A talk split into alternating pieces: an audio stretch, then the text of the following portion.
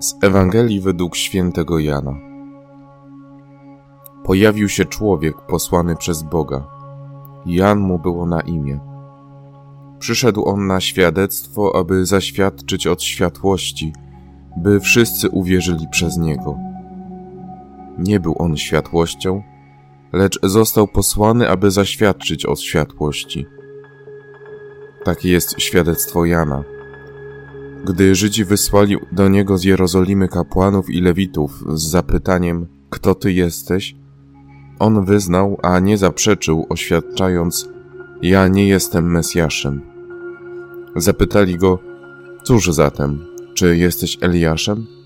Odrzekł: Nie jestem. Czy ty jesteś prorokiem? Odparł: Nie. Powiedzieli mu więc: Kim jesteś, abyśmy mogli dać odpowiedź tym, którzy nas wysłali? Co mówisz sam o sobie?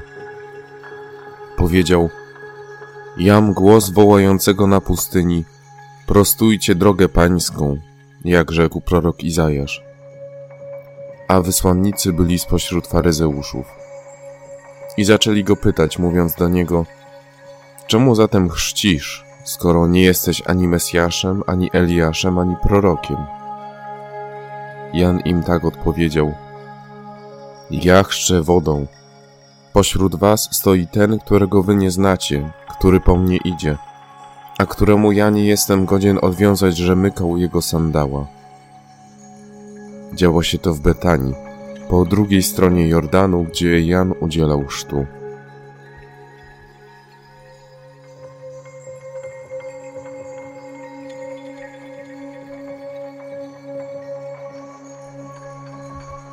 Trzecia niedziela Adwentu, z łaciny Gaudete, ukazuje nam radość wśród czekania na przyjście Zbawiciela.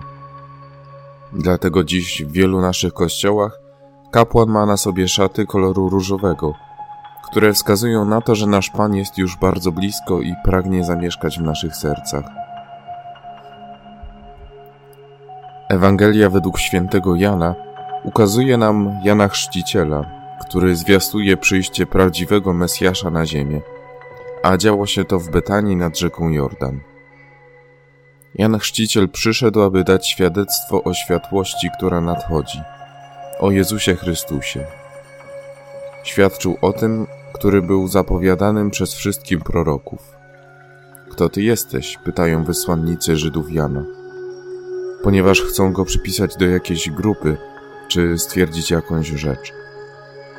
Samego zaś Jana nie da nam się wrzucić do jakiegoś worka, czy dać do jakiejś ramki, jak to czasami lubimy robić z ludźmi, kiedy kogoś oceniamy i jak to widzimy w Ewangelii, tak jak to robią wysłannicy, jakimi są kapłani i lewici. Nikogo nie możemy szufladkować, ani żadnej osoby w naszym życiu nie możemy oceniać, bo nie ocenia się przecież książki po okładce, jak mówi nam słynne przysłowie – każdy człowiek z dnia na dzień niesie z sobą coś nowego.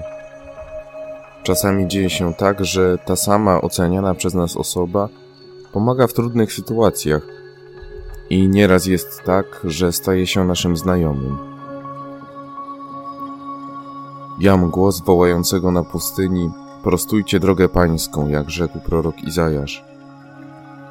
Każdy z nas musi prostować swoje drogi i ścieżki wiary, aby godnie przygotować siebie, a przede wszystkim swoje serca na przyjście Zbawiciela, który przecież już się zbliża i przyjdzie do nas dokładnie już w przyszłą niedzielę, kiedy w gronie rodzinnym zasiądziemy do Wigilii Bożego Narodzenia. Nasze życie czasami jest trudne i pełne krętych ścieżek.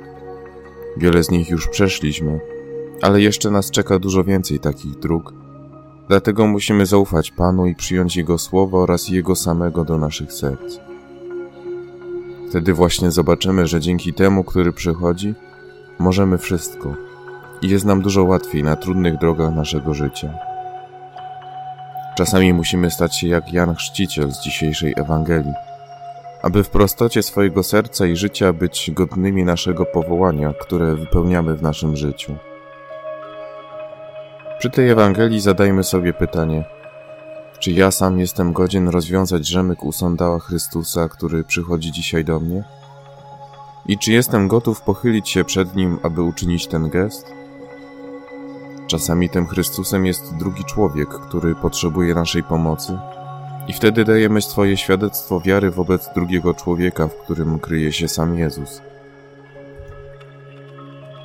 Dając właśnie takie świadectwo naszego uniżenia i naszej wiary bliźniemu, stajemy się Janem Chrzcicielem i możemy się przyrównać tak, jakbyśmy my właśnie chrzcili innych naszą wiarą.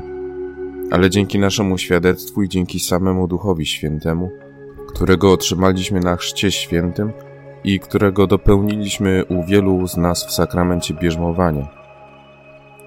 Możemy powtórzyć za świętym Pawłem apostołem, że Panem jest Jezus – w tym momencie nasze świadectwo wiary, które dajemy drugiemu człowiekowi, jest kierowane Duchem Świętym, którego daje sam Chrystus przez Ciebie i mnie. W tę trzecią niedzielę Adwentu, zwaną niedzielą Gaudete, radości, chcemy powtórzyć za dawnym śpiewem chrześcijańskim, którego używali kiedyś kapłani bądź kantorzy zamiast pieśni na rozpoczęcie liturgii.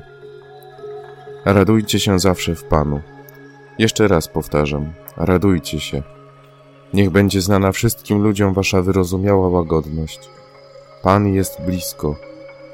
O nic się już zbytnio nie troskajcie, ale w każdej sprawie wasze prośby przedstawiajcie Bogu w modlitwie i błaganiu z dziękczynieniem. Łaskawym się okazałeś, Panie, dla Twej ziemi. Odmieniłeś los Jakuba.